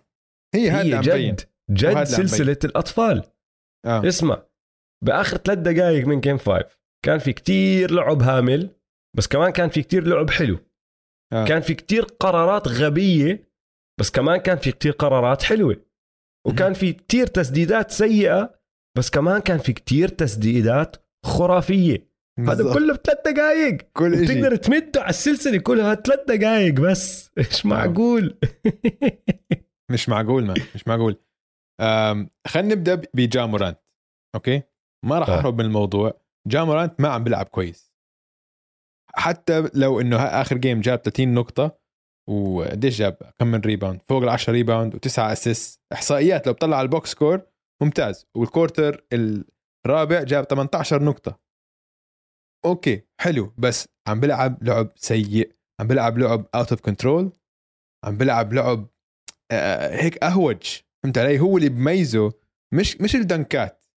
مش هذا نحن اللي أنا خلاني أوقع بالحب بجامورانت أكيد الدنكات وال highlights رهيب. okay كل حدا بيشوفها و goes viral وكل حكي هذا بس أنا هذا مش اللي بحبه بجامورانت اللي بحب جامورانت إنه هو point guard زي كريس بول. كان يحل لغز كان دائما ياخذ نقطة ضعف يكتشف نقطة ضعف الفريق ويستغلها. ما عم بيعمل هيك بال- بالسلسلة هاي. عم بتكل كليا على لياقته البدنية الخرافية وبس عم بيخترق وبيقفز وب... وي- وب... وبي... شوف شو بصير. وبشوف بشوف شو بصير هذا اللي عم بصير وشفناها. كثير مرات كانت خيار سيء عشان انت بس قفزت بين ثلاث لعيبة. وما سو ما صار إشي. اعطيت حاولت تعطي pass ما عليت تعطي pass ومرات تحط dunk على بيزلي وبتنتهي بتنهي مسيرته. dunk خرافي okay؟ بس بعديها بلحظة بالضبط نفس ال dunk فكحته. بآخر الثالث هو حط dunk بأول الرابع طلع نفس ال dunk كان بيقدر يحطه layup فهمت علي؟ إنه ما عم بيفكر المباراة فكتير مقهور منه. بس بالأخير طلع كلتش صراحة اللي عمله بالأخير كان ممتاز. بس كتير. كتير مقهور من هاي السلسلة. واللي لسه أسوأ منهم بكتير أسوأ من جا بكتير. okay؟ جارين جاكسون جونيور وكات إنه عم بتبارزوا مين حيعمل الفاول الأغبى. الأغبى.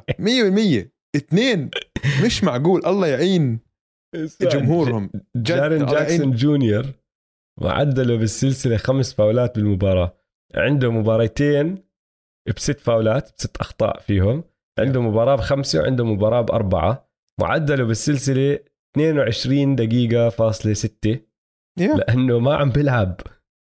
مش ما عم بيلعب. معقول مش معقول يا زلمة مش معقول. اليوم باول بأول quarter after أربع دقائق two fouls وواحد منهم على ثلاثيه على ثلاثيه نط. واحد مسدد الثلاثية راح نط دعسه. مش معقول man اللي بيرحم اللي بس اللي اللي عم بيرحم إنه الفريق الثاني عم بيطلع أغبى. هاي هي. هذا الإشي الوحيد اللي عم بشفع لهذا الفريق.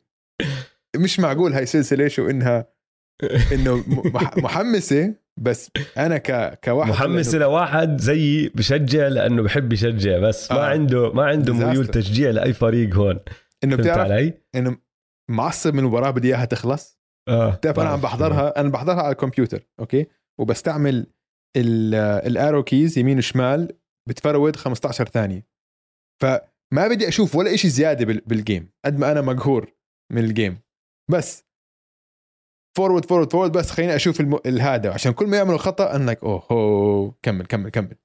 شيء مش معقول. هلكوني هلكوني. آه. خلينا نركز على اللي عم بلعب منيح. لا استنى. قبل آه. رح نحكي بال flow تبع ال- المباراة بعدين بدك تركز على مين ما بدك. بدي أحكي عن. آخر 10 ثواني ب game 5 آه رهيبين آه.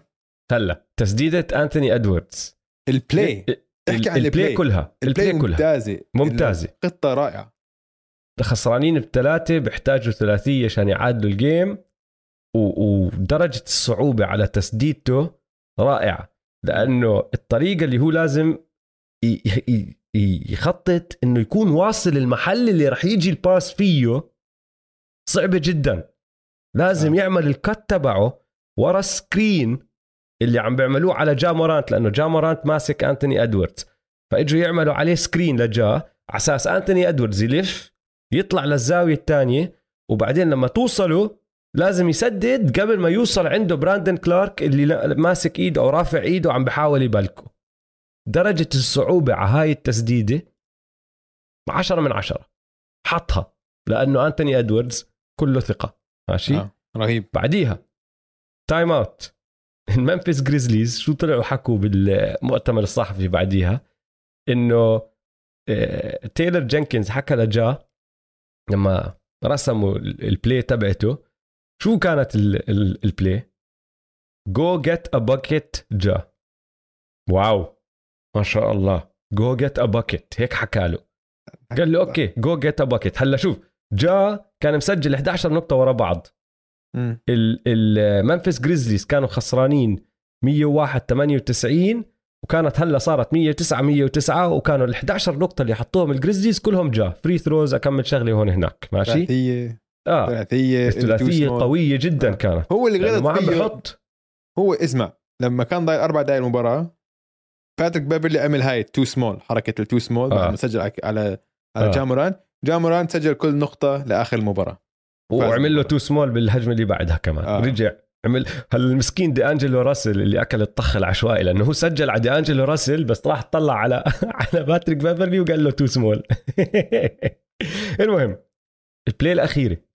ال play الأخيرة ما بدي أقلل من عمله جا لأنه جا احتاج يمسك الطابة ويطلع يخترق ويحطها. بس غلطة فادحة كانت من أنتوني ادواردز طبعا. أنتوني ادواردز حاول ياخذ steal. صفى طالع من ورا جا. ال pass جاي له جوا. صفى فاضي قدامه اطلع آه. نط اتجنب ال- ال help defense وحطها. هاي قلة خبرة. آه آه. وهو مش بس عارف. كده مش بس كده خبرة هاي غبا غبا بس لعبة تانية غبية بهالمباراة. مش معقول. شيء بضحك. إنه أنا كيفت طبعا.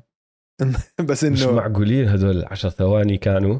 المباراة كلها مش مع السلسلة كلها مش معقولة. وقد ما بيصير فيها أشياء وقد ما فيها حكي وواحد بلف وبسكت الجمهور وبعدها بثانيتين بغلط غلطة غبية جدا بعدين برجع بسكت الجمهور. بات بيفرلي وال too small هاي ما لها داعي كان. ليش عم تعمل ال too small والثاني ال too small اللي بعديها ما لها داعي.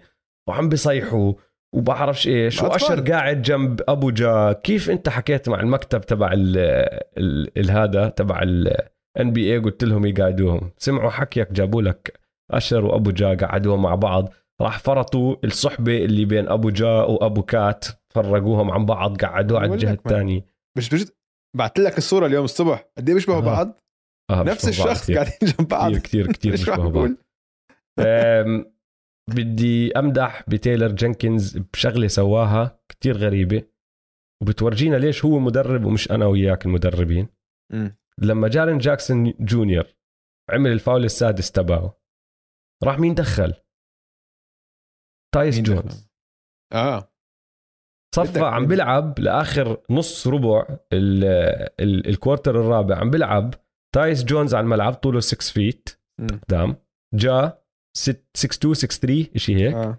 ديزموند بين 6 5 ديلان بروكس 6 7 وبراندن كلارك 6 8 ما عم تحكي ديلان عن بروكس بس 6 7 آه. وما عم ت- بس ضخم. هو عريض. كثير أطول. آه آه عريض وحش. بس يا زلمة هدول الفرق بين هاي التشكيلة على سبيل المثال وتشكيلة ال Raptors اللي هلأ سميناها التشكيلة المتوسطة. هدول مش متوسطين. هدول. تحت المتوسط لأنه الطوال عندهم متوسطين والصغار صغار. تايس جونز 6 feet ست أقدام طوله. راح دخله بدل جارن جاكسون جونيور اللي طوله 6 11 ال big man تبعك. بس زبطت اللي اللي سواه زبط ال الولفز كانوا متقدمين 99 88 وهاي التشكيلة رجعت الجريزليز للمباراة وبال quarter الرابع كله بشكل عام الجريزليز سجلوا 37 نقطة الولفز 24 التسديد تبع الولفز كان سيء 8 من 24 ولموا 18 rebound الجريزليز مقابل 10 للولفز. ما بعرف إيش خطر بباله إنه أنا راح أدخل هذا الشخص بدل big man تاني أو حتى wing player تاني وراح أصغر المعدل تبع لعيبتي بس سواها وزبطت روعة. اسمع هو, هو هذا الفوزهم هم ال, ال هلا بأول ثلاث أرباع اللي عم يلعبوا منيح بس كانوا ديزموند بين وديلين بروكس. ديلين بروكس كل السلسلة رائع. رائع. من الجهد آه، آه، دفاع rebounds وكذا. بس ال... اللي كان كتير سيء أول ثلاث أرباع ال free throws كانوا عم آه. يسددوا 50% free throws لأول ثلاث أرباع. مصيبة. وفاكحين يعني أظن 13 free throw كانوا. وال... يعني مش حتفوز مباراة playoff إذا ما حتسدد ال free throws تاعونك. مصيبة كانت. بس فازوا عشان أنت اللي حكيته ال rebounds ال offensive rebounding second chance points خلقوا فرص زيادة للفريق وضلوا عم بينافسوا بالمباراة. فجهد رائع وكان اكثرهم من ديلين بروكس. ديلين بروكس كان رائع. هو مفروض ال MVP تاع ال game ترى. بالنسبة لي هو أحسن لاعب بالمباراه آه طيب. مش بس بهاي المباراة وبهاي السلسلة. سؤال. دزمن بين. وحش most improved عم بيطلع عم بيطلع بعينك عن جارين جاكسون جونيور كتاني أفضل لاعب. جارين جاكسون عم بنزل بعيني. بنزل كتير. أنا شايف إنه دازمن بين عم شوي شوي باخذ منصب تاني أحسن لاعب على الجريزليز زي ما ديلن بروكس أحسن من جارين جاكسون جونيور. جارين جاكسون جونيور عم بخبص عم بجلطني. man مش معقول الهبل اللي أنت عم تعمله كل مباراة. مش معقول مان ما بصير. أخطاء يعني أخطاء ذهنية هاي ما لهاش حل آه إذا أنت ما عندكاش وعي ذاتي على الملعب ما عندكاش آه، basketball IQ وين حتجيبه هلأ؟ ها؟ 100% ليش؟ أم، إنه بتعرف بتعرف كم من مرة عن انحكى له بحياته؟ انه هو بيرت- بيرتكب إنه أخطاء ما كتير. ترتكب خطأ أنت كتير مهم ما ترتكب أخطاء تافهة أوكي إذا if you're challenging someone عن ريم وكذا أوكي خطأ معلش آه، في بس أخطاء مهمة أخطاء كتير غبية كتير اسم شو. عم تعمل؟ شو عم تعمل؟ وات ار يو دوينج؟ هو زي ما حكيت هو وكات التنين قاعدين بتصارعوا ماي هذا جاد كات كات. أنا مقتنع أم. انه اسمع أنا مقتنع أقول لك أنا مقتنع إنه الجريز حيفوزوا game 6 مش عشان عندي قناعة بالجريزليز أو ثقة بالجريزليز بس ثقتي كتير أقل بالتيمبروولفز. أنا وكان بدي التمبر وولفز يفوزوا game 6 بس عشان أحضر game 7 بدك صراحة. 7. بدي game 7 و game 7 راح تكون غبية كتير زي ما أنت عم تحكي. مم. الوصف تبعك ج- رائع لهاي السلسلة فأنا راح أضل أستعمله. بدي game 7 غبية كتير راح انبسط فيها. بدي بس أذكر كمان نقطتين. وواحدة سؤال لإلك الثانية ملاحظة عن لاعب براندن كلارك. براندن كلارك وحش. 21 نقطة 15 rebound تسعة من ال 15 offensive rebounds سبعة منهم بالرابع. الزلمة عم ببدع بالدقائق اللي عم بنعطى فيها وهو عم بيلعب دقائق أكتر لأنه هداك عم بيطلع. لأنه شو اسمه؟ جارين جاكسون جونيور عم بيطلع. ولأنه ستيفن آدمز ما عم بيلعب. وهذا سؤالي. مم. فكرك اللي عم بصير مع جا له دخل بشغلة إنه ستيفن آدمز مش موجود لأنه جا وستيفن آدمز ال two man game تبعهم بال- بال pick and roll وبالسكرينات. كتير كان يتكل عليه جا. كان يحط له screen ستيفن آدمز يحاول يفضيه دائما فهمت علي؟ هلأ ما عنده هذا الشخص. ما. عنده الحيط اللي عم بعطيه أجزاء الثانية هاي اللي يقدر يتخذ قرارات فيها. بس لا أنا ما نو ما ما بقول هذا السبب لأنه يمكن في عامل منه بس عشان جا لسه عم بيخترق. المشكلة مش إنه مش قادر يخترق. اتخاذ القرارات بعد ما يخترق هو الم- المشكلة اللي أنا شايفها. إنه عم بيصطهج زيادة عم بيلعب عم, كان كان ما انه عم بيلعب بسرعة بس كان يفكر بطيء. فهمت علي؟ إنه بال- بال- بالموسم. كان يتخذ قرارات صح. هل لسه عم بيعطي اسيستات رهيبه الصراحة. لساته عم مشي لعب عم بيصنع لعب منيح. بس في عنده هيك ال... أظن هلأ يمكن بعد هاي ال... بعد كيف أنهى المباراة هاي يمكن تعطيه confidence زيادة. هو ويرجع ممكن يلعب نرجع لعبة. لمباراة غبية جدا game 6 آه، إحصائية أوجي رح ننهي فيها على السريع. الجريزليز أول فريق بتاريخ ال NBA يا دويس. برجعوا بال quarter الرابع من تأخر 10 نقاط أو أكثر أكثر من مرة بنفس السلسلة. أو إذا بدك تقلبها التمبر وولفز أول فريق. أول فريق بتاريخ ال NBA بضيع تقدم 10 نقاط أو أكثر بال quarter الرابع أكثر من مرة بنفس السلسلة. مم. حسب أنت وين بدك توقف وتشوفه. بدك تتفائل بشغلة ولا تشوفها بالطريقة السلبية. بس آه، ممتعة جدا هالسلسلة ممتعة جدا. دالاس يوتا. مباراة لوكا. مباراة لوكا. ال quarter الثالث آه، كان quarter كان ربع من هدول ال- الأربعة ال- ال- اللي بدخلهم لوكا مرات خلاص تقدرش تسوي شيء. خلاص لوكا دخل ال zone تبعه وما بتقدر تسوي أي شيء تقدرش توقفه بتقدر- تقدرش تقرب عليه خلاص لوكا عم بيعمل اللي بيعمله لوكا. أنهى المباراة ب 33 نقطة. ب 22 تسديدة فقط ب 33 دقيقة. مم. كمان غير هيك كان عنده 13 rebound من أول المباراه بدأ يلم rebounds كان عنده خمسة assist وال plus minus تبعه كان plus 32 زائد 32 لما كان عم بيلعب. على الملعب. اللي عملوه المافز بهاي ال game اللي رجعوا لأسلوب لعبهم الطبيعي. فهمت علي؟ اللي هو كل شيء بتمحور حوالين لوكا بس عكس ال game اللي قبلها بدل ما يكونوا مكركبين لأنه كانوا عم بيلعبوا بطريقة ومرة واحدة دخل لوكا وحاولوا يعملوا إشي بالنص. هاي المرة خلاص دخلوا على ال game عارفين نحن هيك رح نلعب ولعبوا هيك. مم. ولما كان لوكا يريح بيستلم جيلن برانسون وعمل اللي عمله السنة كلها. كان ال secondary playmaker وخلاص كل واحد رجع لدوره والجاز ما عندهم ولا فرصة كانوا. ولا فرصة ولا فرصة آه. لأنه غير دفاعهم الكارثي هجومهم كان كارثي كمان في هاي المباراة. لا دفاعهم مهزوم. دونفن ميتشل كان كثير سيء. أم... مايك كونلي شكله خلص منتهي يعني. مش عارف هو ختير مرة واحدة هيك ولا الفريق مهزوم. ما في روح فريق بالمرة.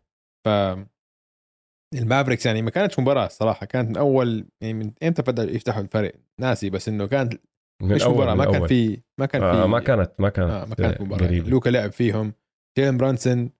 حلو إنه مشى اللعب لجيلن برانسون أكثر شوي من ال game الرابعة إنه خلاه يستلم لمدة أطول. لأن هو جيلن برانسون من نوع اللعيبه اللي بيحتاج شوية rhythm إنه مشيه إنه أعطيه ثلاث أربع دقائق إنه خليه هو يمشيهم مرة واحدة. ولما تعطيه الفرصة جيلن برانسون عم بيفتح شوارع فيهم عشان دفاع الجاز. وأولهم دونوفن ميتشل. كتير سيء. كتير كتير كتير سيء. آه بدي أحكي لك شوي عن دونيفن ميتشل. بدي أحكي لك اسمع بدي أعطيك شوية أرقام عن الجاز كلهم. راح نسكر عليهم بس هي إحصائية OG راح تكون بس عن الجاز هاي المرة. كلها أرقام بتورجيك قديش سيئين كانوا. ماشي؟ مم. اولا الشغله السهله الواضحة كتير. هذا كان أفضل دفاع أو أفضل هجوم عفوا آه، من ناحية تقييم هجومي هذا الموسم. ما. قدروا يسجلوا غير 77 نقطة. شو شو عم تحكي؟ Yeah. صعب جدا بهذا اليوم.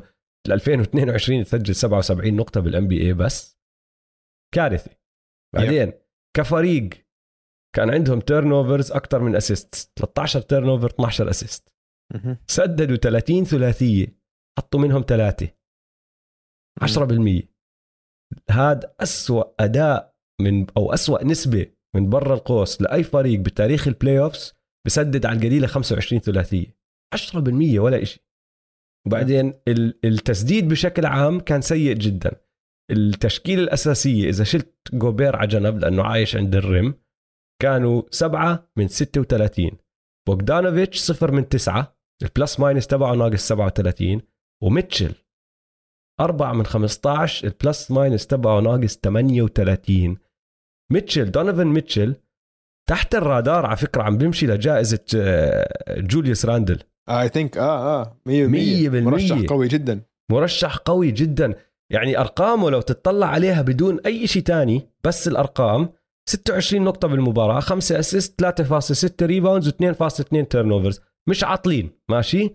بس تطلع على النسب 37% نسبة التسديد تبعته من الملعب 19% من برا القوس وعم باخذ 8 محاولات من برا القوس وما عم بلعب دفاع. تحت الصفر بالدفاع.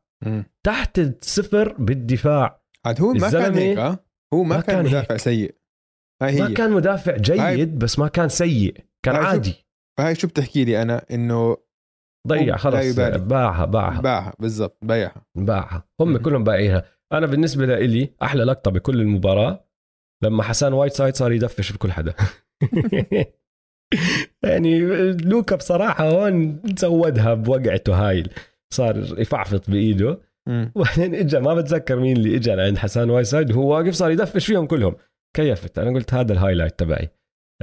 بس وضع الجاز صع- صعب جدا. آه. طلع عنا آه، مشجع آه، جاز واحد. جاوبنا على سؤالنا المرة الماضية لما سألنا ما أظن كان عندنا حكينا ما أظن في عندنا مشجعين جاز. طلع في عندنا واحد جاوبنا اسمه okay. حمدون. هلا حمد يعني إذا بدك تتفائل يا حمدون بشغلة واحدة.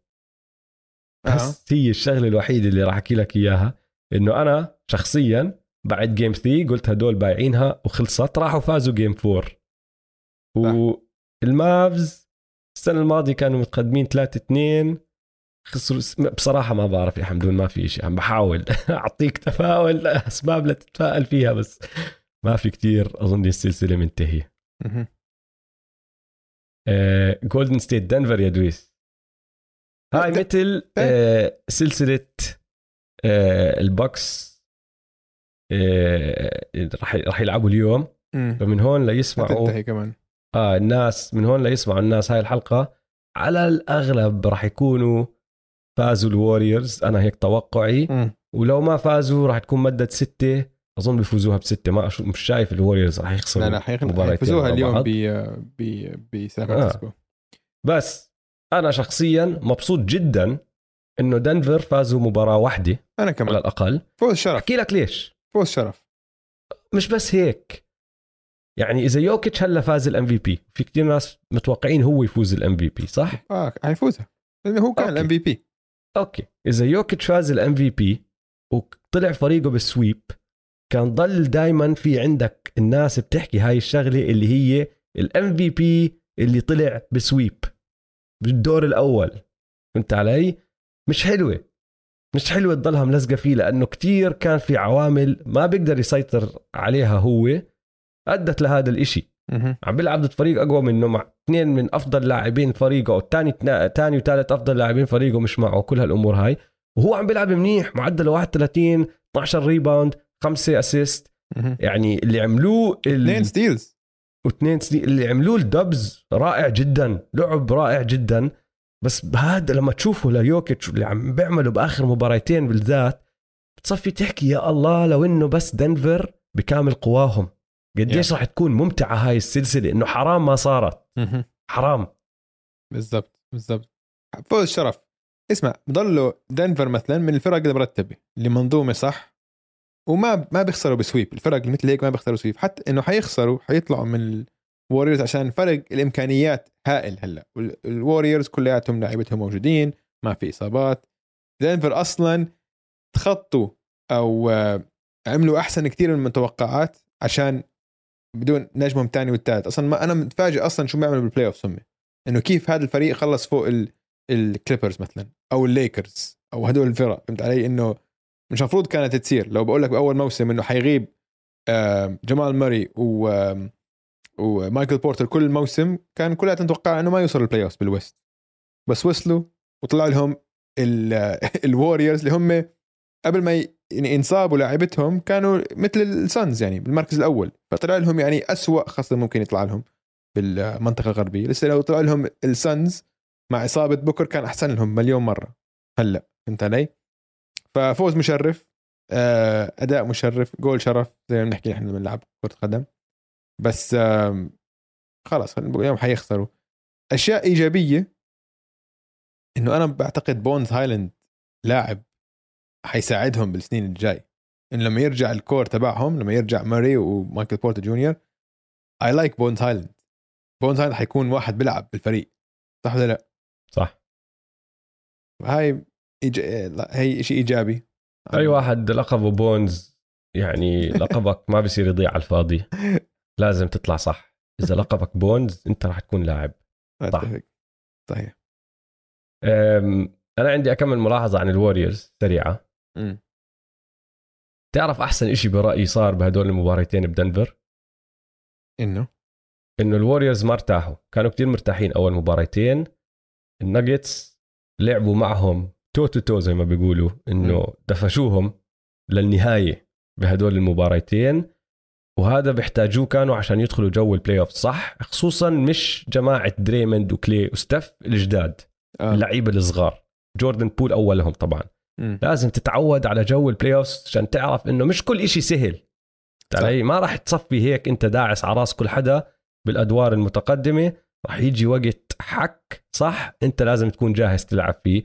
وستيف كير يعني أظن بوافقني الرأي لأنه كان ضايل 8 دقائق بهاي المباراة الأخيرة. والناجتس متقدمين بعشرة راح رجع ال death lineup الجديد. شو سميناه؟ بي هو تي اس دي بي تي اس دي بس زائد اندرو ويجنز وما طلع ولا واحد فيهم لدريموند جرين ارتكب الخطأ السادس تبعه طلعوا طلعوا من المباراة. وما كانت سهلة.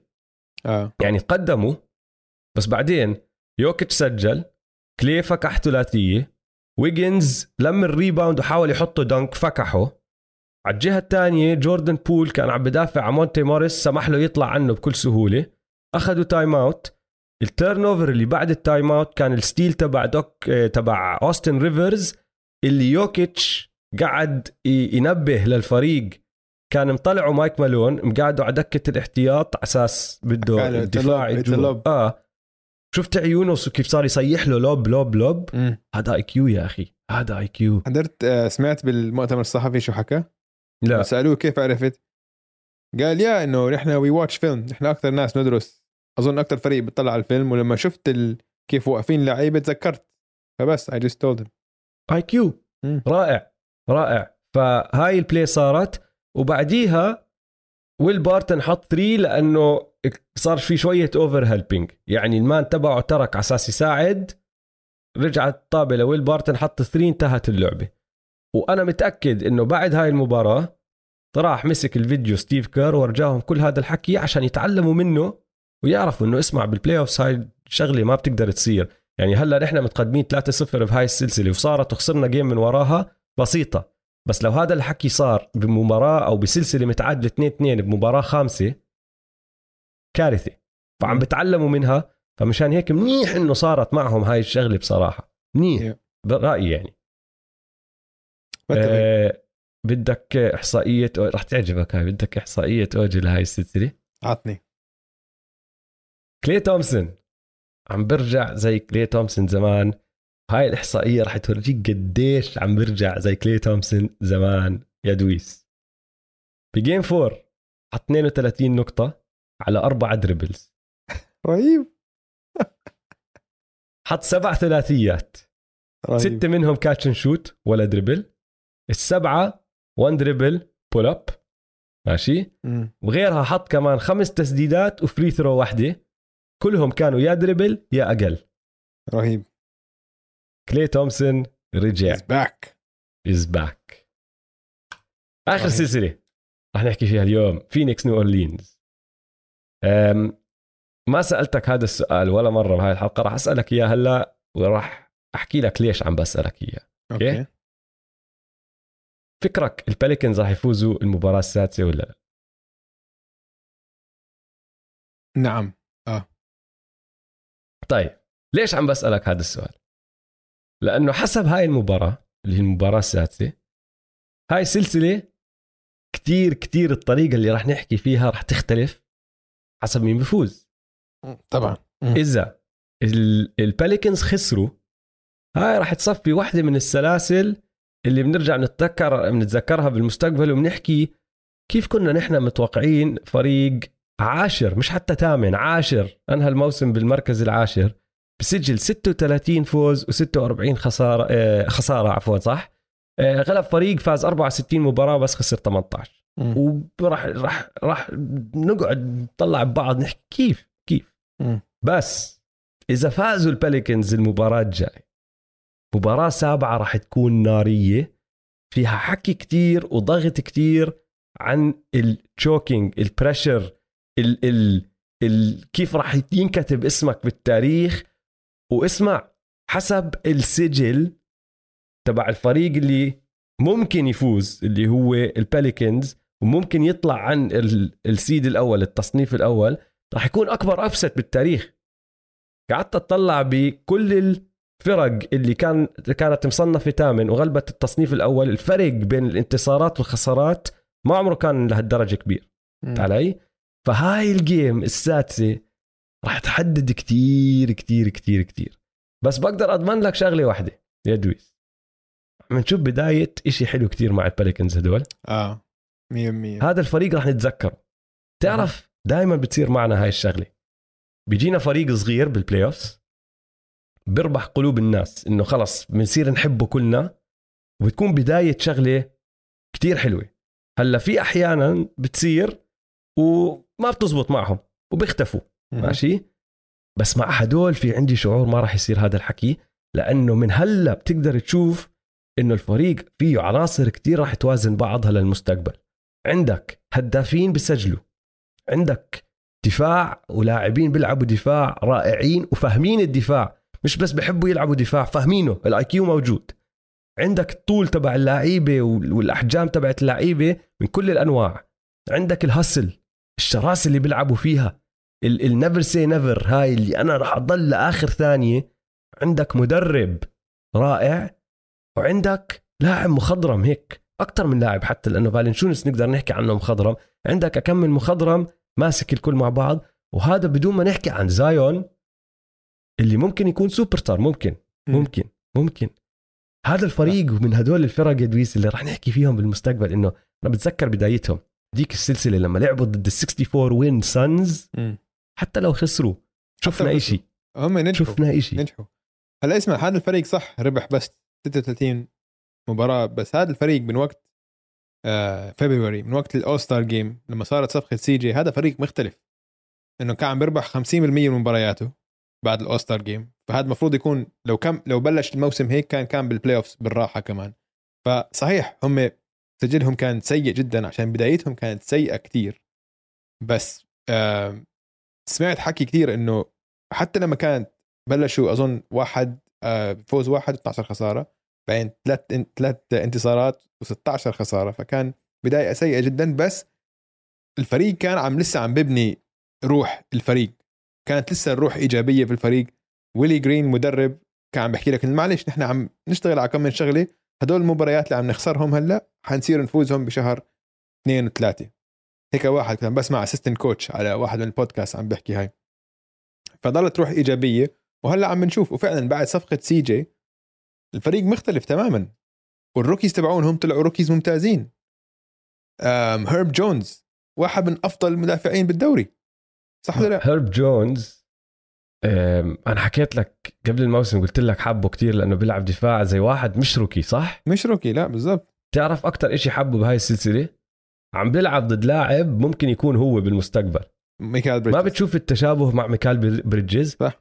جسمهم الطريقة اللي إيديهم هيك طوال الطريقة اللي بيلعبوا فيها دفاع وفاهمين الدفاع كيف بحبوا يلعبوا دفاع بس حتى على الجهة الهجومية ميكال جونز أحسن كمهاجم حاليا لأنه صار له بال NBA أربع سنين. ميكال بريدجز. بس آه. ميكال بريدجز عفوا. آه. بس هيرب جونز فيه ال- ال touch تبعت الثلاثية اللي ما بتخاف لما تيجي طابه بشوت. اللي هو بدا فيها ميكال بريدجز بالزمانات. وشوي شوي طور حاله. وأنا شايف بالمستقبل المش بعيد كتير ممكن جد نحكي عن هيرب جونز كنسخة لميكال بريدجز. فكتير حلو إنه شايفينهم الاثنين بنفس السلسلة. عم بيطلع على حاله بشوف. إنه أنا هذا آه مستقبلي. آه. كتير حلو كتير كتير كتير حلو. آه rookie تاني بدي احكي عنه. آه هوزي هوزي هوزي هوزي هوزي هوزي. تعرف هوزي. تعرف زي إيش عنده؟ عنده Napoleon complex ضارب بالسما. آه، طبعا. ضارب بالسما. للي ما بيعرف شو هو ال Napoleon complex هذا اللي بيكون قصير بالنسبة لكل حدا تاني. وبصير بده يثبت حاله بزيادة. آه. هوزي يعني يعني اسمع تعريف عم بجنن ولا. كريس بول آه عم بقلق سماواته يعني عم بكرهه. كريس بول بكره بكره. ألفارادو. بكرهه بس بحبه أنا متأكد. بعد ما يفوزوا. راح يحبه بعد السلسلة. بعد السلسلة آه. بس هلا هلا بكرهه. هلا. كوابيس كوابيس براسه. ال- ال game الماضية آه، حاول يعمل ال- ال- اللطشه تبعته وأخذها بس بطريقة ما كانت rebound مش out of. bounds سواه. خلاه يرتكب ال 8 seconds وبهاي ال game خلاه يرتكب كمان 8 second violation آه. جنن سماواته جنن سماواته آه آه. رهيب. لا وحش. توحش. أم شوف أنا أنت لما سألتني ليش مين بعتقد راح يفوز game 6 بعتقد Suns لسه حيفوزوا السلسلة بس بعتقد إنه في فرصة كبيرة انه ال Pelicans يفوزوا game 6 بأرضهم عشان أنت حاليا عندك أفضل اثنين هدافين بالدوري هم براندن انجرام وسي جي. بالسلسلة. بالسلسلة آه. آه. فلما اليوم يعني احتاجوا ال Suns أداء خرافي من ميكال بريدجز. أنا باعتقادي ميكال بريدجز ما بيقدر يسوي نفس الأداء اللي سواه اليوم على الجهة الهجومية. ما راح تكون هالقد فاتحة معه على الجهة الهجومية. كريس بول ممكن يعمل هيك. ميكال بريدجز مش شايفها بس حيحتاجوا إشي هيك من واحد من نجومهم الثاني من ال role players الثانية. يا إما كام بين يا إما كام جونسون. واحد من الشباب لازم يسجلوا فوق ال 20 25 نقطة ليفوزوا السلسلة. أنا عندي ثقة أكثر ببراندن انجرام وسي جي إنه بسهولة إنه ما بتفاجئ لو اثنيناتهم جابوا 25 نقطة. فهمت علي؟ لهذا السبب والطاقة عشان هلأ كمان الجمهور بالبل... ب بنيو أورلينز. مكيفين. زي ما أنت قلت ان إحنا عم نشوف فريق بأول طلعته وفريق هيك قريب على القلب. إنه كل حدا المحايد وبطلع عليهم والله رهيب هذا الفريق. كلهم rookies وعم بيحاربوا وهوزي حتى اللي مش rookie. وحتى آه، الكبار براندن انجرام تذكر أنت كنت تحكي بالزمانات بالبودكاست شغلة عن براندن انجرام لما كان ب LA. ما كان يحب اضواء LA ما كان يحب ال attention تبع LA لأنه هو جاي من محل هو بسيط كشخص. آه. مش فارقة معه عجقة LA يعني عكس بن سيمنز. آه. مش فارقة معه هوليوود مش فارقة معه السيارات مش فارقة معه هذا زلمه هادي رايق كتير.